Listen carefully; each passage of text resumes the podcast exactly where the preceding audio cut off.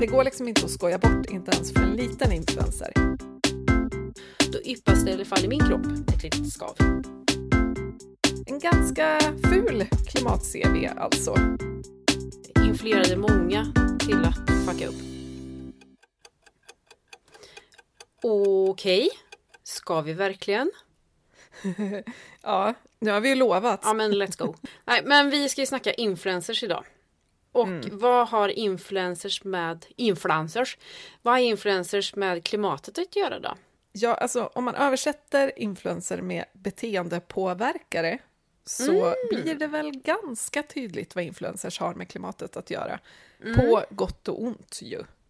Alla influencers har en viss potential att påverka hur andra människor, eller åtminstone deras följare, agerar så att de bidrar. Antingen till problemet eller till lösningen, skulle man kunna säga. Och vi som ska snacka influencers är... Mm, gamla surgubbar, host host Jan Guillou, som eh, tror att influencers bara snackar smink. Nej, det stämmer inte riktigt va? Nej, men vi som snackar är ju faktiskt själva influencers. Jepp, Emma Sund checkar in, drivit blogg sedan 2009. Har varit Vintage-Emma som poserat i vintageklänning på typ Maui. Och har förmodligen ett pärlhalsband av utsläpp efter mig med tanke på att jag influerat till en massa eh, möten våren i Paris och eh, konsumera hållbar second hand på plats så att säga. Ja, nej, var det här Biktpodden eller? Och vem fan är du? Ja, jag är ju Maria Soxbo, journalisten som startade ett nytt modemagasin, reste runt på modeveckor världen över och började blogga om inredning 2007. Men kanske inte direkt på det hållbara sättet, om man säger så. Mycket shoppingtips och trendtänk snarare än byggnadsvård och gräv där du står. En ganska ful klimat-CV alltså, dokumenterad i digital form. Men Ja, du går inte att sudda ut. ja, det är det det gör. Så jag har börjat städa upp i den rejält de senaste sju, åtta åren. Jag har ju gamla magasin kvar va, så att eh, mig får du plocka Ja, nej, innan, magasin- innan det är färdigstädat. Jag kommer med dokumentförstöraren imorgon. Ja, härligt. Ja, men i det här avsnittet ska vi alltså snacka om ett ämne som, som ni lyssnare länge har önskat. Men som vi har duckat för en halv evighet. Eller hur? Ja, det har vi. På grund av vad då, tänker vi? Skav kanske? Det är väl det. Dels för egen del.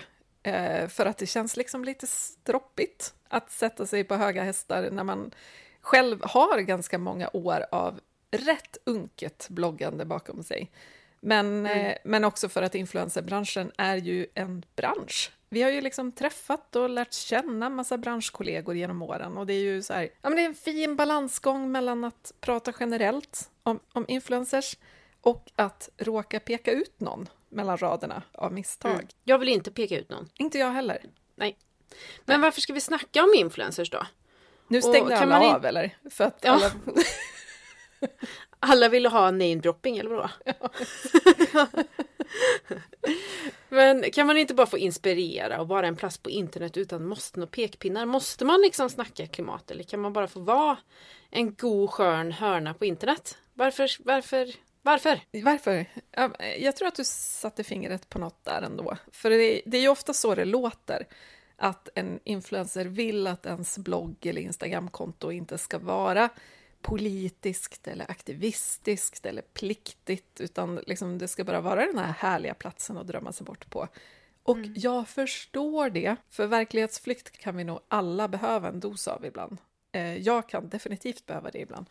Men det är ju skillnad på verklighetsflykt i form av en bytta popcorn och en romantisk komedi på Netflix eller att skapa en drömvärld i sociala medier som inspirerar tusentals eller kanske tiotusentals människor att konsumera nya klänningar och möbler och tallrikar och väskor och flygresor och så vidare i någon slags strävan efter att få ett lika härligt liv. Det ena är en paus från verkligheten, eh, en stund i soffan med en bytta glass typ. Det andra är rent krasst att tjäna pengar på andras överkonsumtion. För jag tänker att vi inte får glömma att bakom åtminstone väldigt många av de stora kontona så finns det ju ett företag. Det är inte bara en privatperson med bra smak och en välvilja att dela med sig, utan det är ett företag. Liksom. Eller hur känner du? Ja, alltså det är ju mycket, det är mycket enklare att ducka och jag fattar ju verkligen också den där att, att slippa ta ansvar eller bara få vara en god plats. Men den goda platsen ska ju inte vara den ska ju inte finnas på bekostnad av någon annan eller ganska många andra så att säga. Nej. Då är den ju inte så god längre, tänker jag. Nej, och, Och- jag tänker att är även en plats som tar ansvar, eh, som inte driver till köp det här och så vidare, kan vara härlig.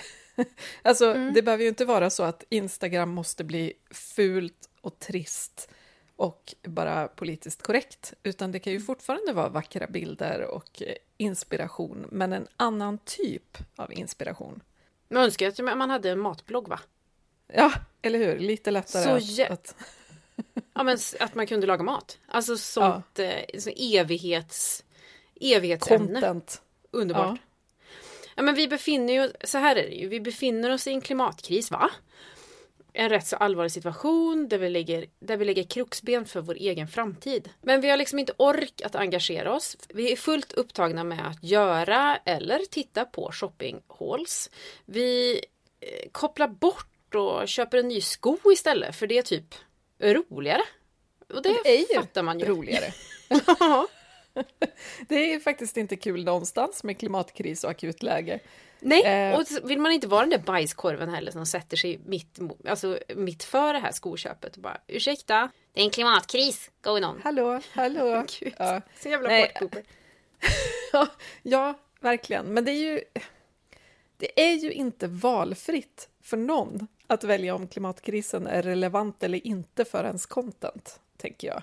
Nej, det är för Man får ju... Man, ja, man behöver inte skriva om klimatet. Man behöver ju inte hålla på som du och jag som liksom ständigt tjatar om detta klimat. Mm. Eh, alla är ju inte heller bekväma med att vara aktivister och det måste ju Mm. vara okej såklart. Men man kan ju inte ignorera att vi är i en klimatkris heller. Det är liksom inte antingen eller på det sättet. Om influencers nu är företag, vilket de allra flesta stora är, och näringslivet har ett stort ansvar för att sänka utsläppen, då gäller ju det alla företag, även influencers. Och då kan man ju liksom inte säga som influencer att ja, men de enda utsläpp jag gör upphov till är typ elen som jag laddar mobilen med. För det stämmer ju inte. Den påverkan man har är ju också en del av de utsläpp man är skyldig till. Vad man än tycker om vad jag ska säga nu så ligger det faktiskt till så här. Influencers har makt. Enormt mycket makt. Och den enkla anledningen till det är att vi människor är flockdjur. Vi gör som alla andra. Vi köper det andra köper, vi reser dit andra reser och vi äter det som andra äter. Vi gör exakt som alla andra. Och rättfärdigar våra beslut genom att titta på andra. Så influencers har världens möjlighet att puffa alla sina följare att göra vettiga val egentligen. Alltså förändra normer kring att typ handla second hand. Att det inte ska anses vara äckligt utan det är såklart någonting som man alla gör. Eh, eller semestra lokalt. Ta tåget och visa tusentals att det liksom är möjligt och att det är smidigt och att det är liksom en resa i sig. Äta vego. Äta vego. Och det här gäller såklart inte bara influencers utan alla människor. Vi påverkar och inspirerar till både bra och dåliga saker. Unnar jag mig en flygsemester för femte gången i år så kan jag lova dig att någon använder mig, kanske du som gör det, eh, och mina val för att liksom rättfärdiga sina egna, typ. Okej, men- ska, jag, ska jag säga hur det kan låta då? Ja. Ja, men jag flyger ju i alla fall inte mer än Emma Sund. Så därför kan jag unna mig två flygresor per år, för hon åker ju minst fem gånger. Ja, men vi använder ju varandra som måttstock. Det är ju superskönt. Ja. Att alltid hitta någon som är värre än en själv. Ja, exakt, och även om det, är så här, det är ju någonting som är lite obekvämt tycker jag med att säga hej, jag jobbar som influencers, så jag har svin mycket makt. Ja. eh, det, det skaver lite i, i, jag vet inte, självkänslan eller något. Men så är det ju, och nu är ju både du och jag är ju pyttesmå influencers i jämförelse med, med många andra liksom. Men oavsett storlek på följarskara så bidrar ju influencers till att normalisera beteenden på gott och ont. För det blir ju liksom upphöjt till xx antal tusen.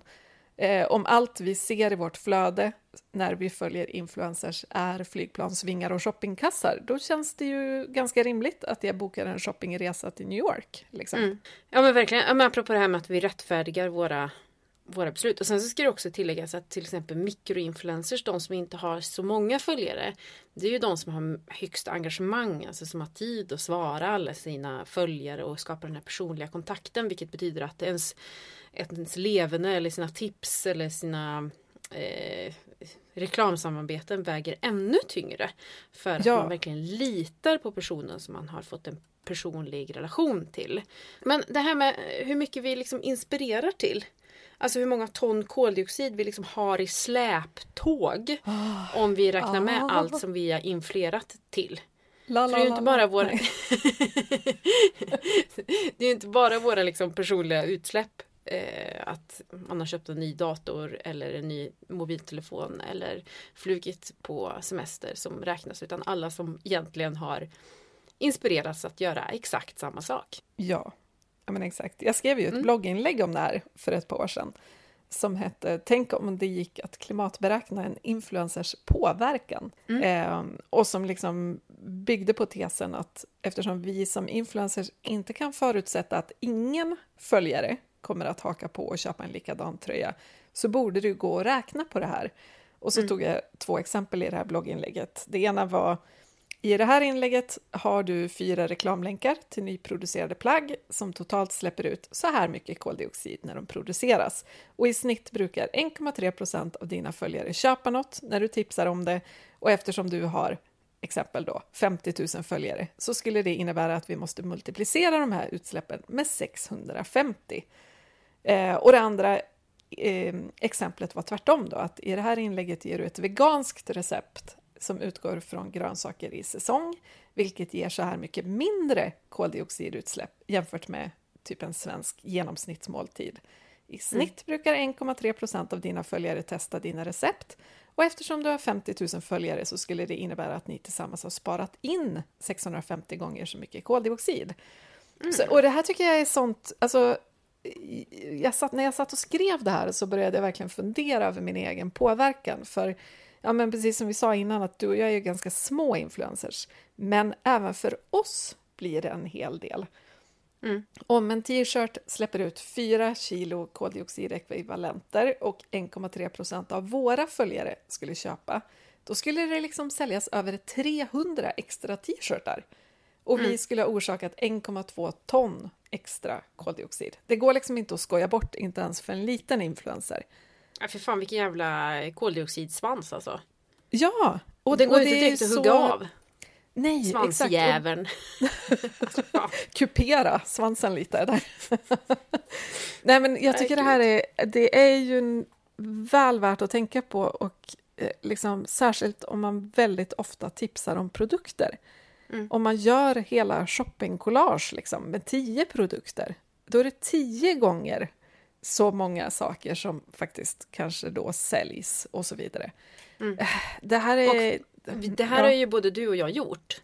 Ja, verkligen. Det är ju, det är ju Biktpodden som sagt. Välkommen till den då. Ja, men desto mer tänker jag att man måste städa upp efter sig själv. Alltså, ja, eh, försöka göra rätt. Alltså, så här, jag tänker att ju, mer, ju längre man väntar, eller så här snarare.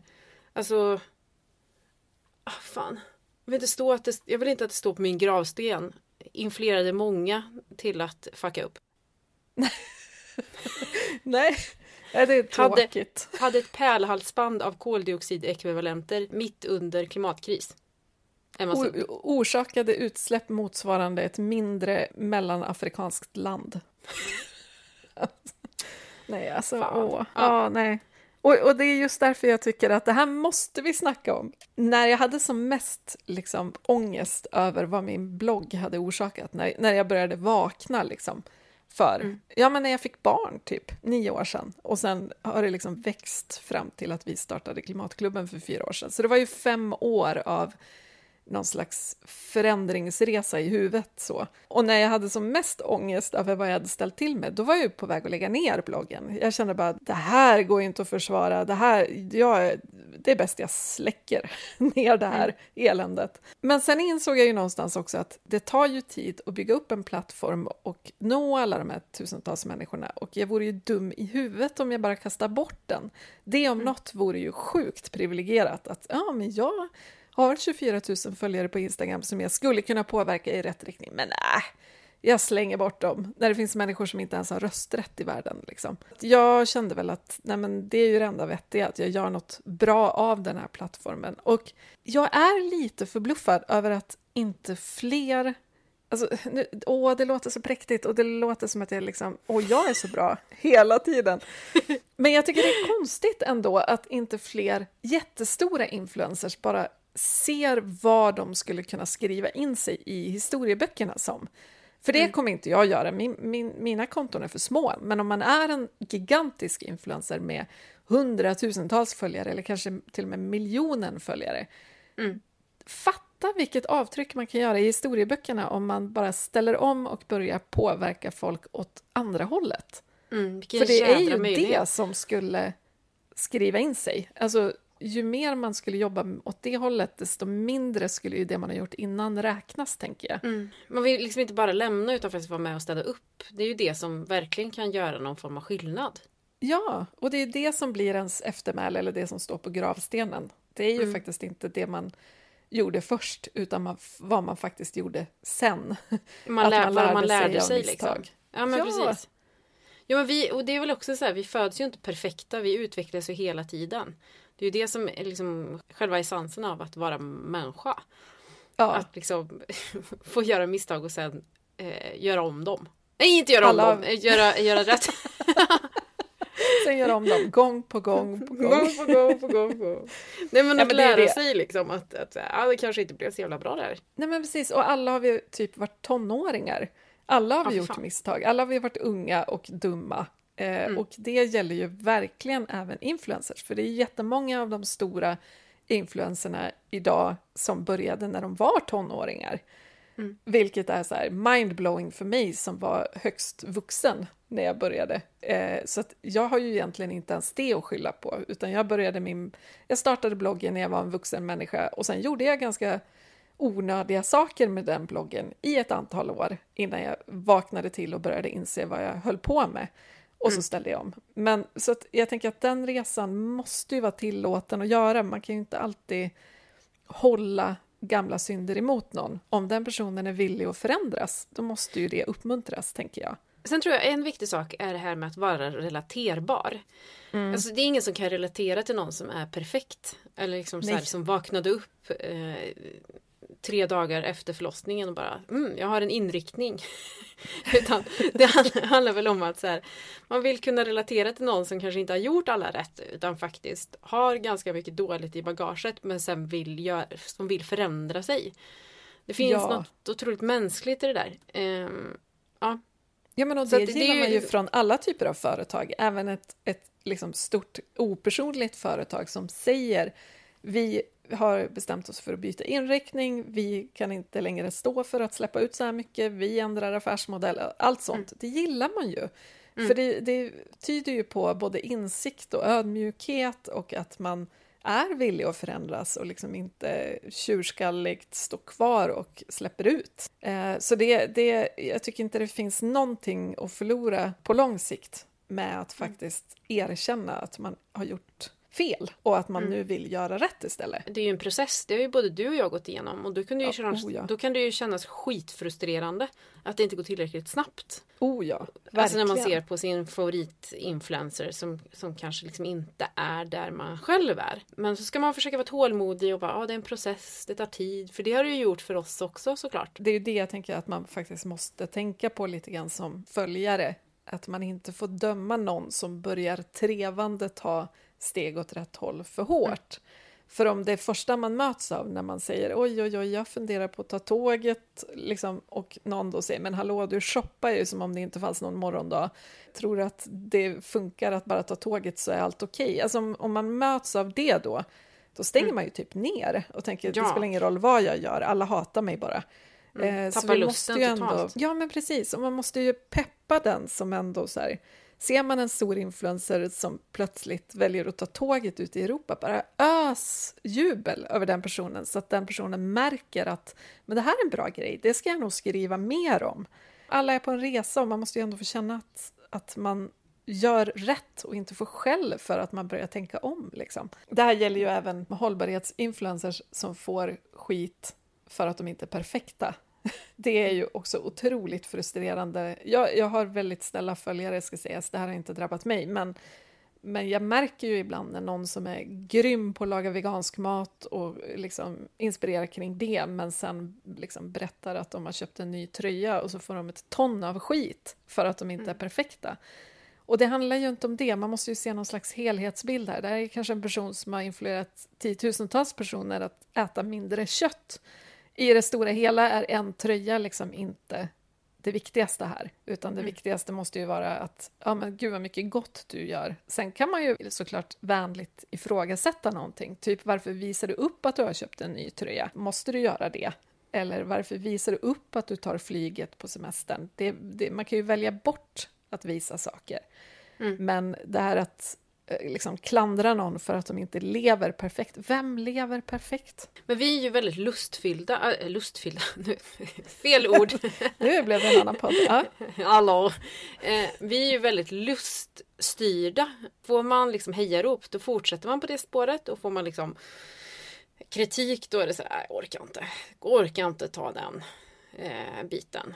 Nästa Nej. kapitel, tack. Nej men det är ju det, det har vi ju sagt några gånger det här med att det verkar ibland som att det är bättre att inte ha någon moral än att ha dubbelmoral. Mm. Vilket ju blir lite skevt kanske. Det vill säga, det, det, kommer ju göra att stora konton aldrig kommer att glänta på locket, aldrig kommer att skriva om, om hållbarhet eller att sänka utsläpp för att då har de liksom öppnat den här Pandoras ask och utflyger arga människor. Liksom. Mm. Eh, så det måste ju finnas en, en positiv känsla kring att, kring att skriva om hållbarhet överhuvudtaget. Får du många frågor kring eh, just influencers av dina följare? Ja, alltså kanske inte så många i kommentarsfältet, men däremot i DM. Och det är ju mm. rätt mycket frustration, typ så här, jag blir så ledsen när jag ser hur stora influencers lever som om det inte fanns någon klimatkris. Vad ska jag göra? Ungefär mm. så. Och sen också många som faktiskt har försökt att påverka stora konton som de följer, eller små för den delen också, att bara ja, men jag skrev en snäll men lite så här fundersam kommentar och sen så har de blivit istället påhoppade av den här influencers följare. Typ, ja, men lägg dig inte i och hon måste få unna sig eller han har haft en tuff vinter, han behöver lite semester eller vad det nu kan mm. vara. Att man får liksom en svans av väldigt lojala följare som försvarar den här influensen. Så det kanske inte ens är influensen själv som behöver ta den fighten. Och det blir ju också lite underligt. Alltså man, det, det finns ju en skillnad på att skriva trolliga kommentarer och vara elak och säga hur fan kan du flyga, är du dum i huvudet? Alltså det bidrar ju inte till någonting gott, skulle jag säga. Mm. Men att så här, vänligt och snällt säga, jag undrar hur du tänker kring det här med tanke på att du har så många följare eller vad det nu kan vara. Det måste vara rimligt, tänker jag. Hur, du då? jag får en hel del frustrerade DMs. Folk som vill göra någon form av skillnad eller påverka situationen. Vi sitter ju i samma båt liksom. Det är inte så att några kommer undan klimatkrisen och några Eh, liksom. Nej, det, det verkar finnas ett missförstånd kring detta i världen. Men precis, man, det är ju liksom av omtanke för sin egen framtid men också andras. Gillar man andra människor så kanske man vill göra någonting av situationen så att säga. Eh, nej, men mycket frustration och eh, os osäkerhet hur man ska gå tillväga utan att såra någon. För det är ju en jävla balansgång det där, det vet man ju själv. Mm. I att man vill vara trevlig, man vill inte vara den foträtta, präktiga liksom personen men samtidigt så vill man påtala att det här liksom inte, fan, det är liksom, nu är vi på väg åt helt fel håll. Den här personen kanske når asmånga. Det är, det är klart att det blir skav hos de som följer. Ja, och det här är ju svårt, för influensen gör ju i de allra flesta fall ingenting som inte är lagligt. Alltså det är ju det är olagligt att greenwasha, så där kan mm. det ju faktiskt finnas något konkret att ta på och säga, men vänta nu, nu bryter du mot marknadsföringslagen. Men men det här att faktiskt bara säga kolla vilken schysst tröja, du kan köpa den här för en rabattkod, bla bla bla. Det är inte olagligt. Det är fullt lagligt sätt att försörja sig på. Bara det är ordentligt reklammärkt så är det liksom okej. Okay. Då är det ju snarare en fråga om liksom moral eller etik eller något sånt. Att så här, är det här rimligt? Ett rimligt sätt att försörja sig, givet att vi befinner oss i en akut nödsituation. Men du, hur reagerar du på de som du följer? Om alltså influencers som någon... jag följer? Ja. ja, om de visar upp någon flygplansvinge eller whatever. Ja, alltså det beror ju lite på om det är någon jag känner såklart, alltså som, som jag faktiskt är typ kompis med. Eh, mm. För att man kanske inte följer en kompis även om man inte håller med om det som skrivs. Men, men då, jag likar inte en flygplansvinge, det gör jag inte oavsett om det är min bästis. Eh, men är det en, en influencer som jag inte har någon relation till och så, då avföljer jag faktiskt. Eh, för att ja, men varken, jag vill varken ge dem större räckvidd, för det är ju faktiskt räckvidden som de tjänar sina pengar på. Och jag vill inte heller mötas av flygplansvingar eller shoppingkassar när jag själv har valt en annan väg. För jag vill inte heller bli inspirerad och känna att, att jag borde göra ohållbara saker eller att här, alla andra flyger. Jag vill inte ha den känslan när jag öppnar Instagram-appen. Mm. Eh, jag hoppas faktiskt att fler börjar avfölja. eh, som en markering alltså, vi... bara, för det är väldigt lätt att... Och tyvärr är det ju många influencers som säger det. Om du inte gillar vad jag skriver, avfölj dem. Men det är ganska få som gör det, tänker jag. Influencers är ju beroende av sin följarskara. Försvinner, blir det liksom eh, följarflykt? Nej, vad säger man? Bortfall? Ja. Säger man följarflykt? Ja, det, ja, det går nog bra. Då har man ju inget konto längre. Då kan man inte tjäna pengar längre. Så att man är ju beroende av sina följare. Då är det ju bra om man ställer lite krav eller avföljer. Och att man kanske känner en social press på att faktiskt försöka åtminstone göra rätt. Eller mer. Ja men verkligen. Rätt. Om man tappade ett par tusen följare varje gång man la upp nykonsumtion eller flygresor eller vad det nu kan vara så skulle man ju till slut känna fasen, det här är ju inte en strategi som funkar längre. Mm. Eh, och det är ju lite som att bojkotta vilket företag som helst, att man om, om ett företag blir påkomna med att ha barnarbetare till exempel mm. och så blir det liksom ett ramaskri i media och så blir det en bojkott och kunderna vägrar handla. Det mm. är ju ett otroligt effektivt påtryckningsmedel och det gäller ju såklart även influencerföretag. Men influencers borde ju också, nu tittar jag på mig själv här, fråga sina Hur följare. gör du då när du tittar ja, på dig själv? En spegel? Så jävla duktig.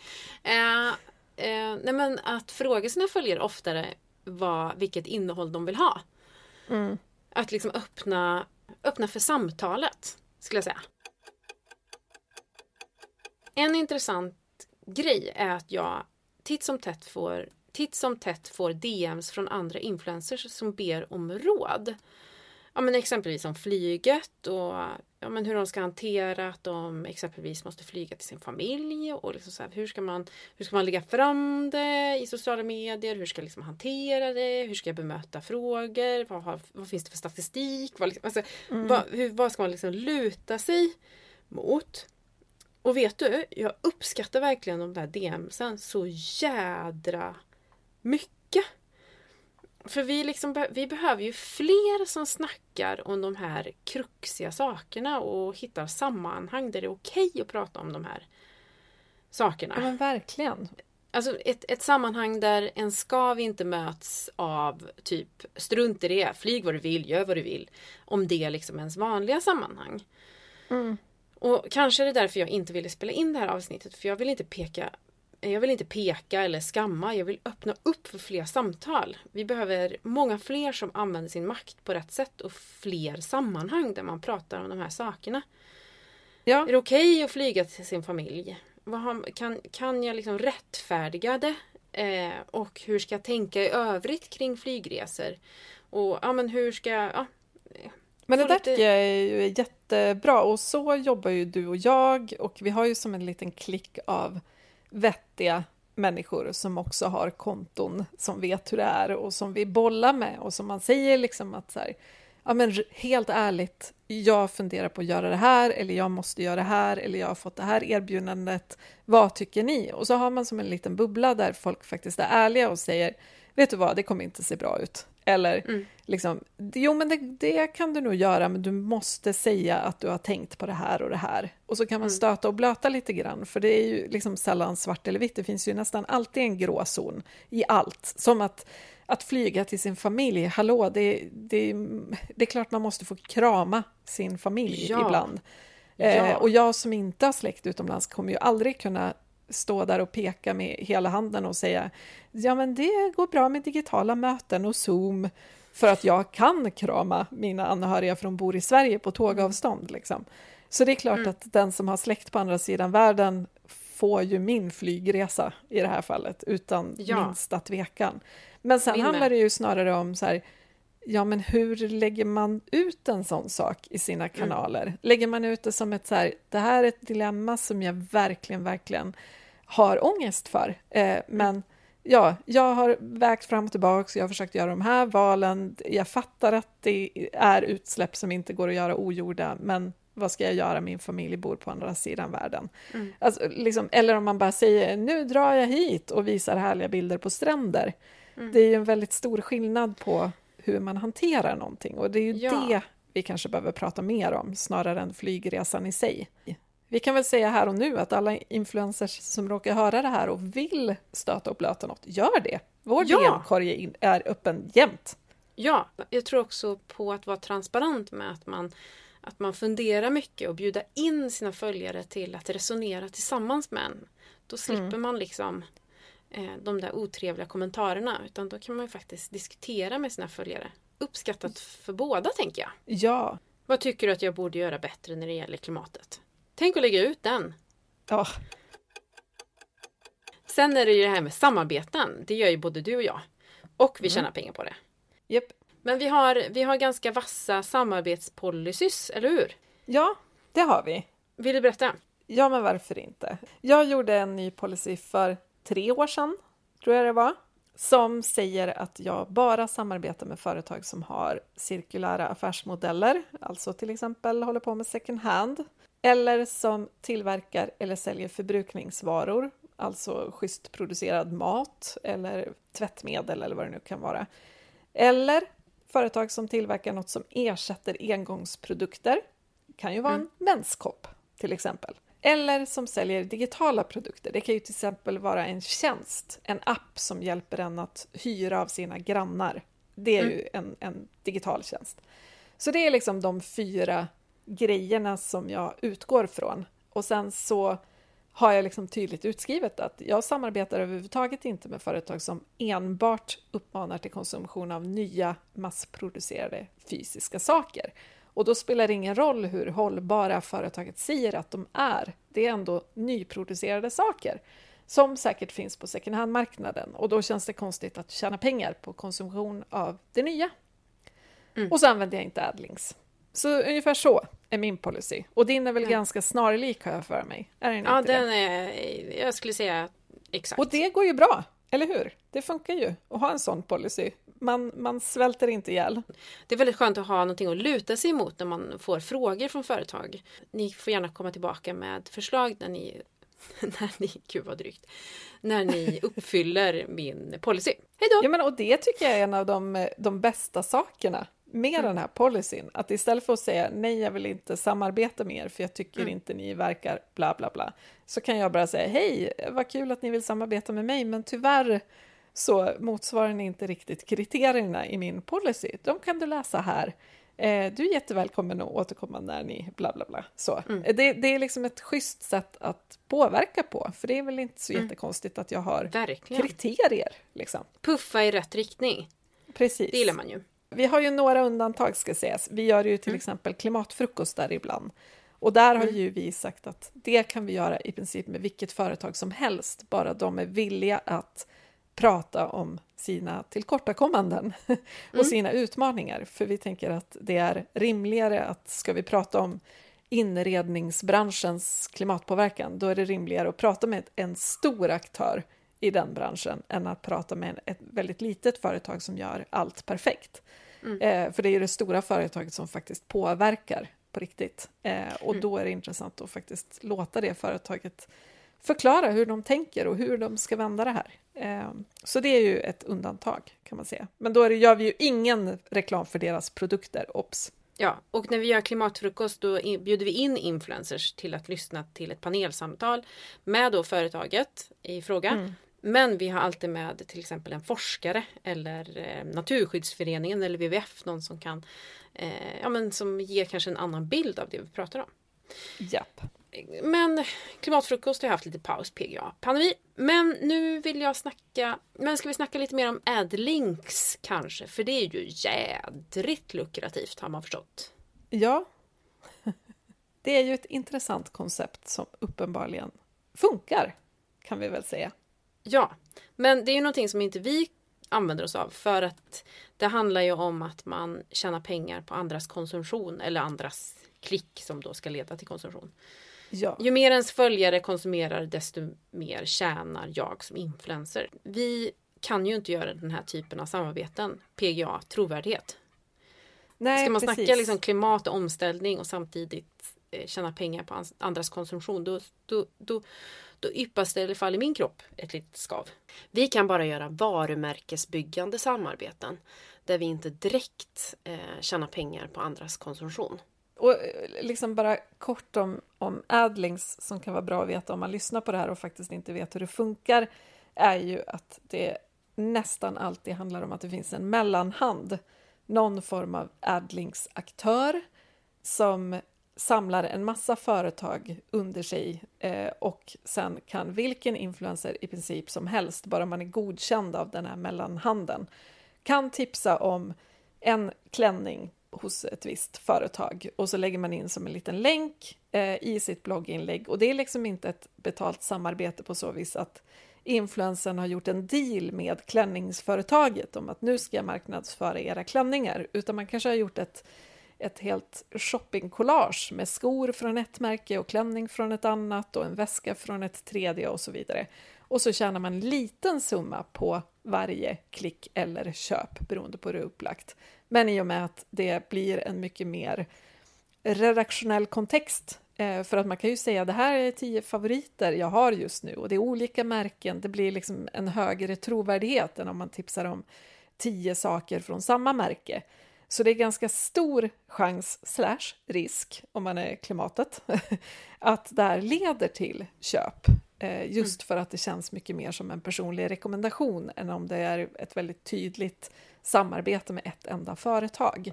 Och mm. det här, det finns liksom en hel värld bakom det här också som handlar om att influencers får saker gratis för att de ska ha nya saker att tipsa om.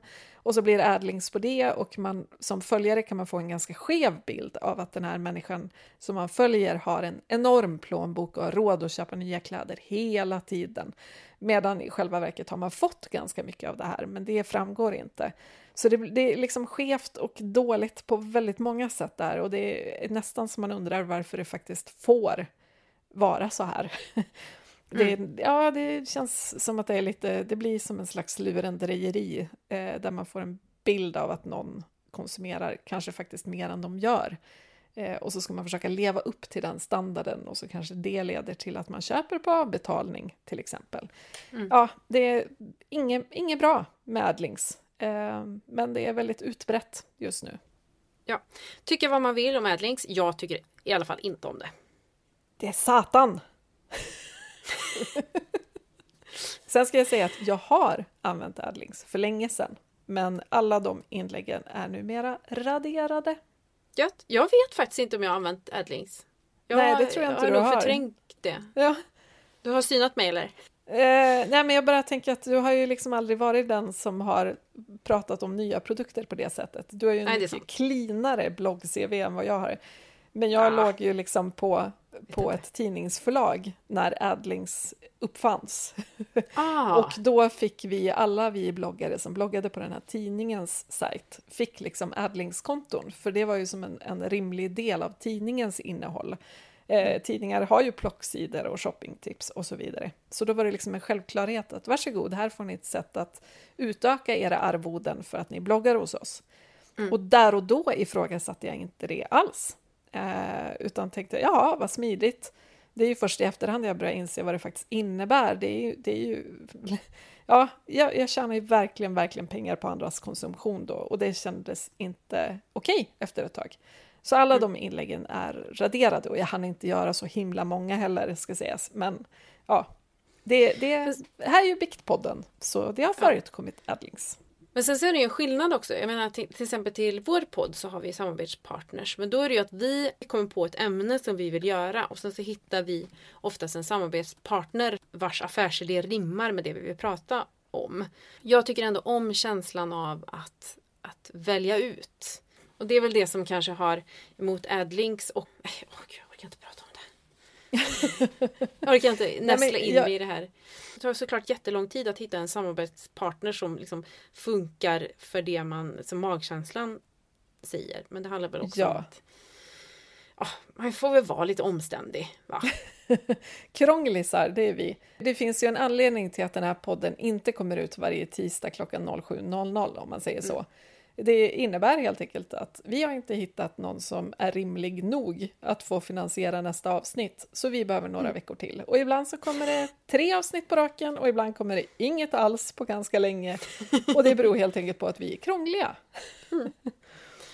Men snälla. Känns ändå bättre i magen att vara krånglig. Ja. Det här avsnittet handlar om influencers och då måste vi kanske ta upp den här texten som eh, Greta Thurfjell skrev i DN för ett tag sedan. Rubriken löd Vi generationen som sålde våra själar till företagen. Eh, och den här det är en ganska vass text, men jag tänkte jag skulle läsa lite ur den. Jag hatar inte influerare, jag önskar bara att yrket inte fanns. Eller att de som ändå prompt ska ha yrket tog mer ansvar, både för sig själva och sina följare. Jag tror inte att det är hälsosamt att göra hela sitt liv till Instagram-innehåll. Att leva med en ständig utifrånblick på sig själv och sina närmaste. Och jag tror inte att det är hälsosamt att ständigt matas med reklam för lånehajar och trådlösa dammsugare. Det är ansvarslöst att göra reklam för ännu ett nystartat gigföretag med urusla arbetsvillkor, ännu ett klädmärke som förlagt sin produktion i Sydostasien. I slutändan är man ändå bara en glorifierad mänsklig reklampelare inom hemmets vilosamt sandfärgade väggar istället för på storstädernas shoppinggator. Ouch! Tankar, Maria? ja, det här, jag tycker också det är en vass text. Jag håller inte heller med om varenda ord, men väldigt mycket i det. Och det, det som är svårt här är väl egentligen att det är typ omöjligt att klumpa ihop influencers till en enda klump som alla ja. agerar likadant. För det är ju, ja men det är, vi, vi jobbar, vi är så olika storlekar, eh, vissa når jättemånga, andra når knappt någon, men kanske mm. ändå liksom lever och verkar som nano-influencers. Och Vissa är jättenischade på ett ämne och delar med sig sin kunskap om odling eller matlagning eller vad det kan vara. Andra lever på att sälja sitt liv och berättar om barnen och vad de har på sig och vad som händer i deras liv och så. Och så finns det liksom alla däremellan. Eh, och det är ju därför det blir så otroligt svårt att dra alla över en kam och säga mm. så här är en influencer. Visst, de säljer sina, sina själar typ till företagen. För det gör ju inte alla.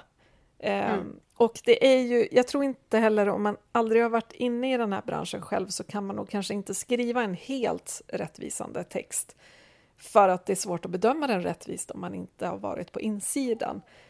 Men eh, i de flesta branscher så fattar man ju också det här. Man skulle liksom inte jämföra Ikea som tillverkar koppar med en ensam keramiker som handdrejar ett par koppar om dagen.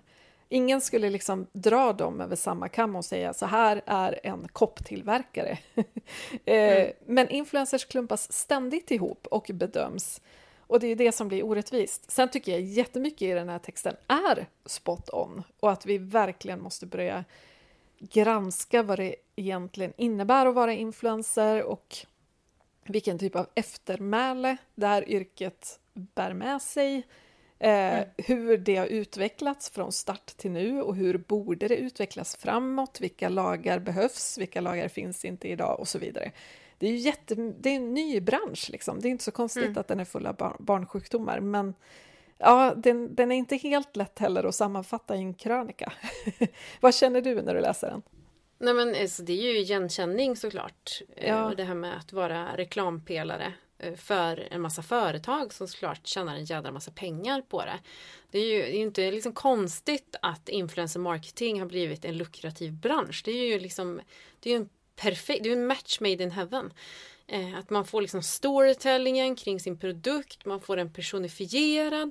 Alltså det är liksom, den är, det är liksom så, det är liksom reklamens perfektion, kärnan av allt. Det är klart att det mm. funkar mm. liksom. Så det, det är ingen, det är ju, ja, det är, alltså min önskan är ju att hela influencerbranschen tog ansvar för eller inte ansvar. Fan! Jävlar vad svårt det är att prata om det här jävla ämnet. Stäng av! Nej, men så här, ja, men för företagen är ju influencers det bästa som har hänt sedan skivat bröd, eller vad man säger.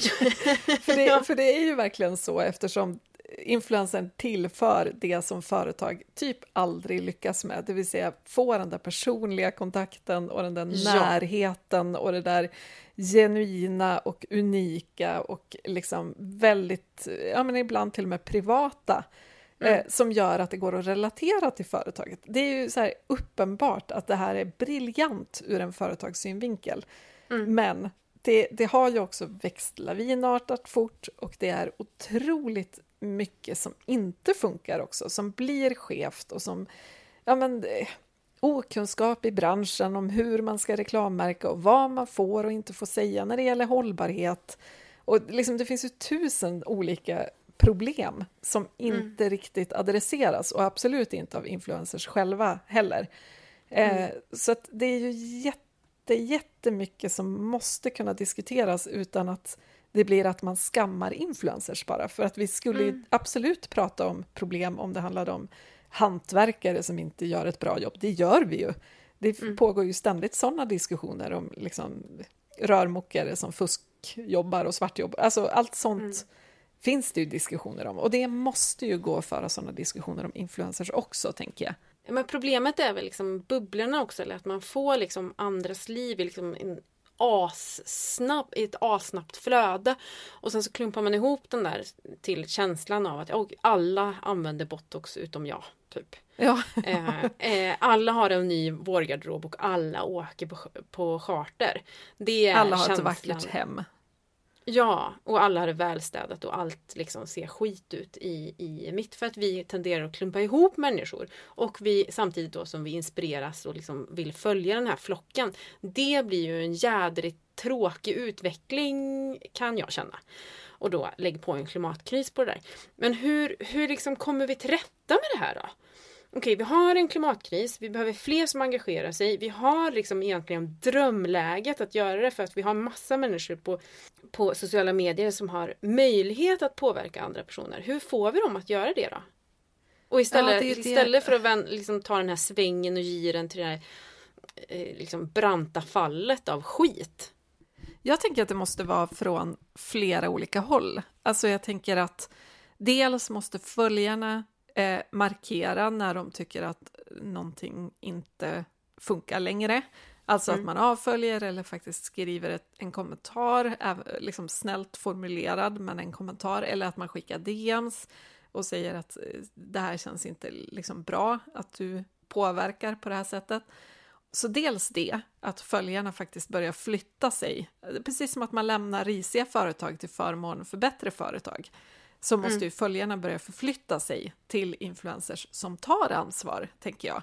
Men sen tycker jag också att företagen som, som anlitar influencers för olika kampanjer måste också ställa krav och säga, men vi ser här att du flyger ju utomlands sju gånger om året. Vi vill inte riktigt förknippas med den typen av livsstil för att vi har ett seriöst hållbarhetsarbete. Mm. Eh, och då vill inte vi förknippas med någon som, som inte verkar tänka ett dyft på utsläpp. Mm. Eh, för om företagen börjar fly från influencers som har byggt sitt varumärke på ett ohållbart sätt, då måste ju de ställa om om de ska kunna fortsätta att tjäna pengar på det här.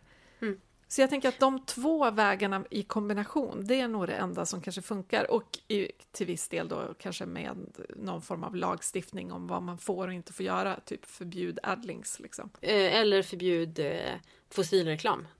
Ja, alltså reklam ja. för flygresor och eh, bensinbilar och whatever. Eh, ja, Gundes. Verkligen. Preem. Det handlar ju också om att som influencer även överleva omställningen och inte vara liksom den sista fossiltunga influencern på internet. Nej, alltså precis, den vill man ju inte vara.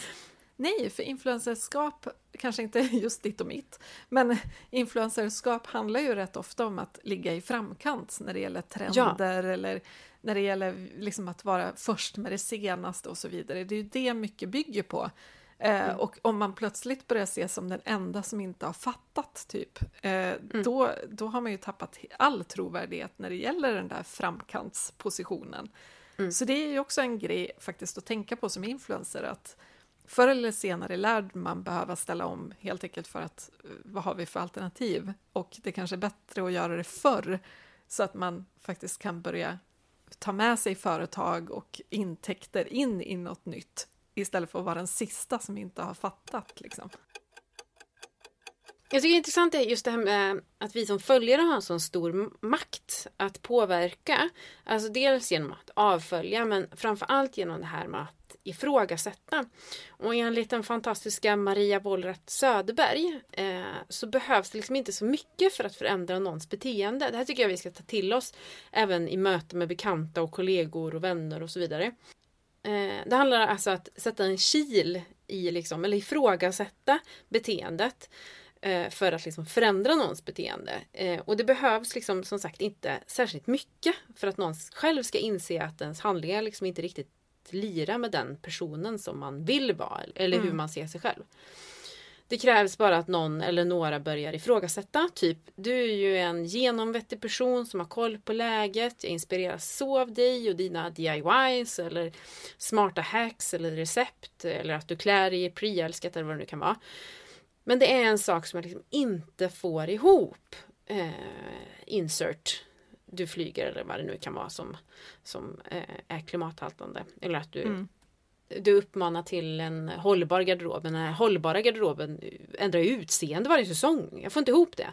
Att trycka på att ja, men du som verkar ha full koll, du borde ju också ha koll på att vi har en ganska svår sits med det här med klimatet. Hur går dina tankar kring det här? Det är ju svåra saker liksom att ta upp. Och... Nu blir det en jättelång men... utläggning men, men, ja, men... Att, att sätta in den där lilla kilen det är tydligen mm. väldigt, väldigt effektivt för att en, någon ska liksom börja ifrågasätta sitt beteende och känna att ah, du, det här går inte riktigt ihop. Nej men exakt, och det handlar ju inte om just det där som vi var inne på innan, att kräva att någon lever perfekt. Det är ju inte mm. det det handlar om, utan det handlar ju bara om att så här, du är ju så bra på så mycket, men just den här pusselbiten passar inte in i det här fantastiska som du har byggt upp där du har så mm. hög trovärdighet. Den här lilla Eller bild, grejen som min du gör, bild den... av dig heller. Nej, men precis. Och att den här lilla grejen som du gör här, typ flyger eller vad det nu kan vara, det naggar liksom din trovärdighet i kanten. Hur tänker du mm. kring det? Så att man mm. verkligen lägger fram det på ett trevligt sätt. För jag tror att så fort det, det känns som att man skammar någon eller skuldbelägger någon eller bara ja, men, pekar ut fel, så, så är det väldigt svårt att ta emot det som influencer. Mm. Det, det tycker jag det verkar som i alla fall. Men då kan vi prata lite om det här med att influencer-grejen också ses som en kvinnofråga. att när man kritiserar influencers så vänds det väldigt ofta till att det handlar om att skambelägga kvinnliga företagare eller entreprenörer. Mm. Känner du igen det här? Ja. Jag blir ganska irriterad på det, för som kvinnlig företagare som jag ju är själv och du också, så vill ju inte jag bedömas annorlunda än om jag hade varit en man. Det är inte mm. som att jag får bete mig som skit bara för att jag är kvinna, tänker jag. Eh, jag ska ju följa samma regler, ha samma ansvar och samma möjligheter förstås som manliga motsvarigheter. Och sen är ju influencerbranschen kvinnodominerad, så jag antar att det är därför man liksom drar någon slags likhetstecken med att kritiserar man influencers så kritiserar man kvinnor. Men jag mm. tycker inte det har med varandra att göra. Eh, det är ju liksom inte... Att en bransch domineras av kvinnor är ju inte en anledning till varför den ska tillåtas leda till dåliga saker. Tvärtom tänker jag som kvinna, är det en kvinnobransch så vill jag att den ska vara bäst i klassen, typ. Mm. Eller? Nej, exakt. Sen finns det ju ett helt lager till bakom det här, alltså att bolag som använder influencers för att tjäna stora pengar ofta styrs av män. Mm. Och det är kvinnliga konsumenter som oftare följer influencers och därför kanske eh, konsumerar väldigt mycket och kanske till och med sätter sig i skuld eh, genom att köpa saker på avbetalning och kredit och sådär. Eh, för att de vill efterlikna influencers ganska ouppnåeliga liv. Så det, det, finns ju många liksom könsaspekter av det här som kanske är värda att diskutera, men jag tycker verkligen inte att det finns något som helst skäl att dra kvinnokortet som ett försvar för att vissa influencers inte tar ett ansvar för sin klimatpåverkan. Typ så. Nej, alltså det, det känns ju som en easy way out för att slippa ta ansvar. Ja. Överhuvudtaget. Att liksom man pekar åt ett annat håll. Ja men verkligen, och det blir något väldigt skevt i att å ena sidan vilja vara en företagare som, som det går bra för, som tjänar mycket pengar och som har status och så vidare. Och när man får kritik sen hänvisa till att men jag är bara en, en, en vanlig liten kvinnlig småföretagare, låt mig vara typ. Mm. Men det där tycker jag, jag faktiskt tycker det är, är, jag tycker att det där är svårt för att man är ju privatperson och företagare samtidigt. Det finns egentligen inget annat företag som, som, kan, som kan likställas vid den här jätteknappa situationen som influencers sitter i. Nej, där man liksom verkligen. vardagsfilosoferar ena dagen och sen så gör man reklam för någonting andra dagen. Och så ska det där gå ihop också. Och Ja. Man är både privatperson och företagare. Och det är, det är en mischmasch i, som liksom inte går att likna vid någonting. Jag, jag tänker, och jag, jag, jag tycker att det är en svår sits. För ibland Ja, så känner jag mig, ja, men, ibland känner jag mig så här, men varför går det på mig? Jag är ju bara en, en person. Känner, alltså känner man ju, för det är man ju. Man är ja, bara det är människa. klart att Och verkligen. Och, så samtidigt- blir det en massa skit i DM-inkorgen så är det klart att det träffar i hjärtat för att man Ja. är den enda som öppnar den här inkorgen. Det är Exakt. liksom ingen receptionist som sitter där och gallrar. Nej, precis. Nej, men det är ju jättesvårt och det är klart att man också en, en del av det som gör en framgångsrik influencer är ju också att det bygger på en person. Så att det är Ja. svårt att skilja det ena från det andra. Men, men det får ju, man måste ju på något vis inte...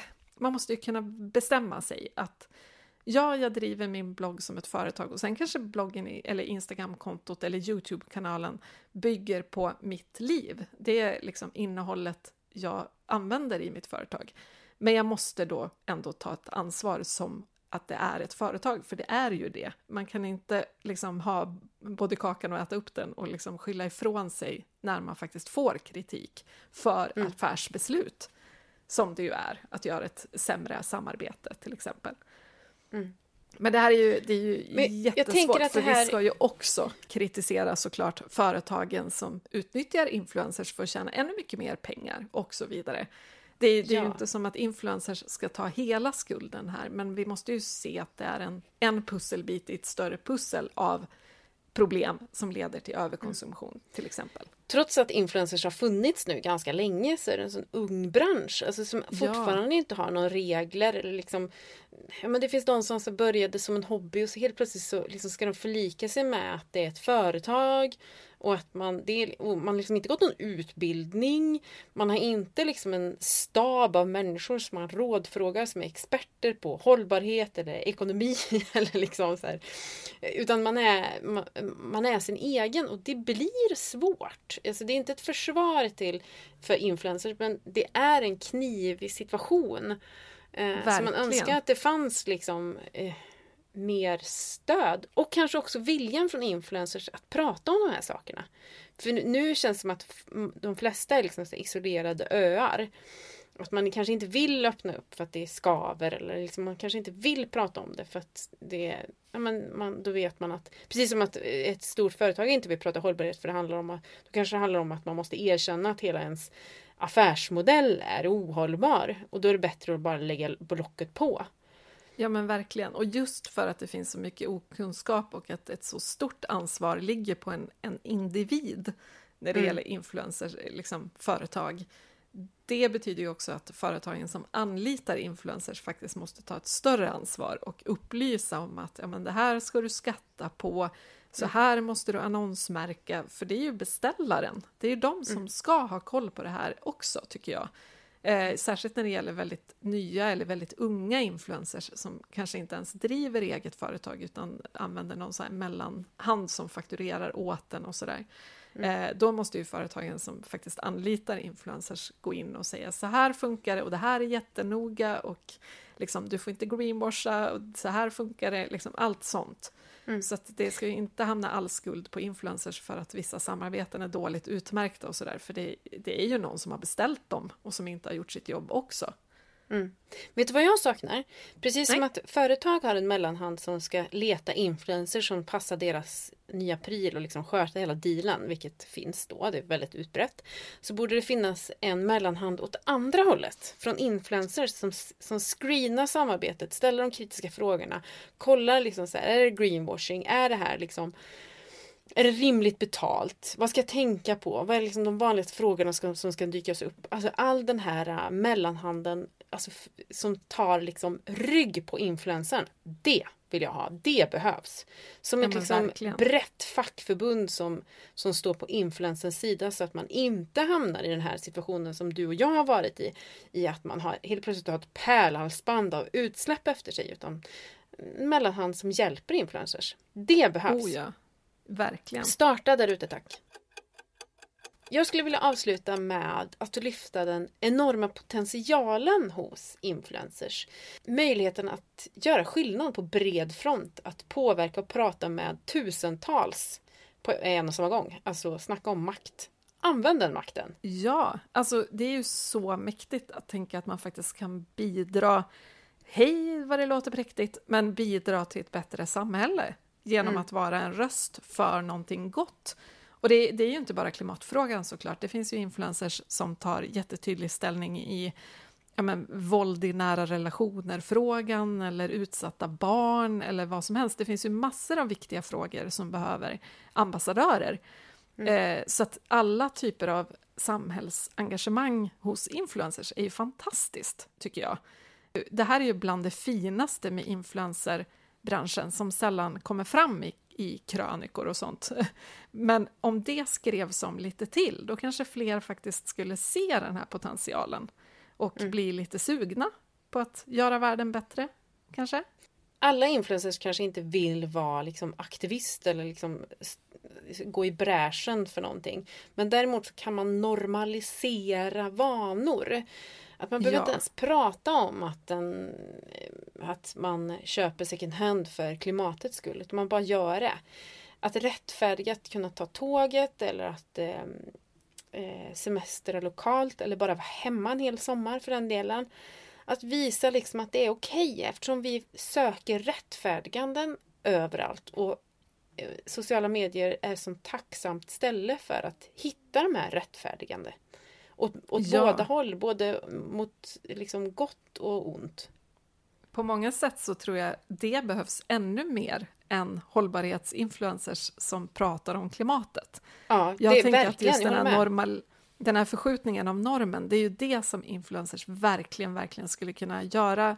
Och, och då handlar det ju väldigt mycket om att inte säga det här är ett val för klimatet, precis som du säger, utan att, att bara göra det och visa det och inte liksom lägga egentligen någon värdering i det. Precis som man inte mm. lägger en värdering i att man tar flyget till solen. Eh, mm. för det bara har man gjort. I, I decennier har vi gjort så. Det är helt normalt. Och att nu istället visa tåg och vegomat och eh, preälskade kläder och så vidare utan att, liksom, utan att göra det till en udda nischhobby. ja, ja, jag håller med. Jag tycker jag... normalt. Bra avslutning. Det behövs inte fler som vi. Det behövs fler influencers som bara normaliserar typ cykeln. Ja, ett hållbart liv på, ur olika aspekter. Det ja. kan alla influencers bidra med. Man behöver inte bli klimataktivist, man behöver inte kunna något om hållbarhet och man behöver inte lära ut saker. Man kan bara visa och framförallt välja vad man inte visar också. Mm. Eh, det går ju att, att påverka åt båda hållen. Välj bort det som bidrar till fel normer och lyft fram det som bidrar till nya, bättre normer. Och är du följare så puffa på att du vill ha den här förändringen. Ja, Eller verkligen. normaliseringen. Försök påverka och går det inte, avfölj. Så har du gjort en markering, tänker jag. Har vi pratat nog om influencers nu? Vi har säkert inte sagt allt om det här ämnet. Det, det tror jag inte vi har. Det finns fler aspekter. Det kanske kommer till influenceravsnitt någon gång. Önska inte ett, för vi hade ganska mycket ångest för det här. Så att, låt oss vara ett tag. Men, men, det, men det, vi kanske återkommer till ämnet i, i andra avsnitt också. Det har varit ett intressant avsnitt att göra i alla fall. Eh, och vi hoppas ja. att ni fick ut något av det också. Och kommentera gärna på vår Instagram vad ni har för tankar kring det här. Och använd din makt som följare. Ha det gott! Hej då! Hej då!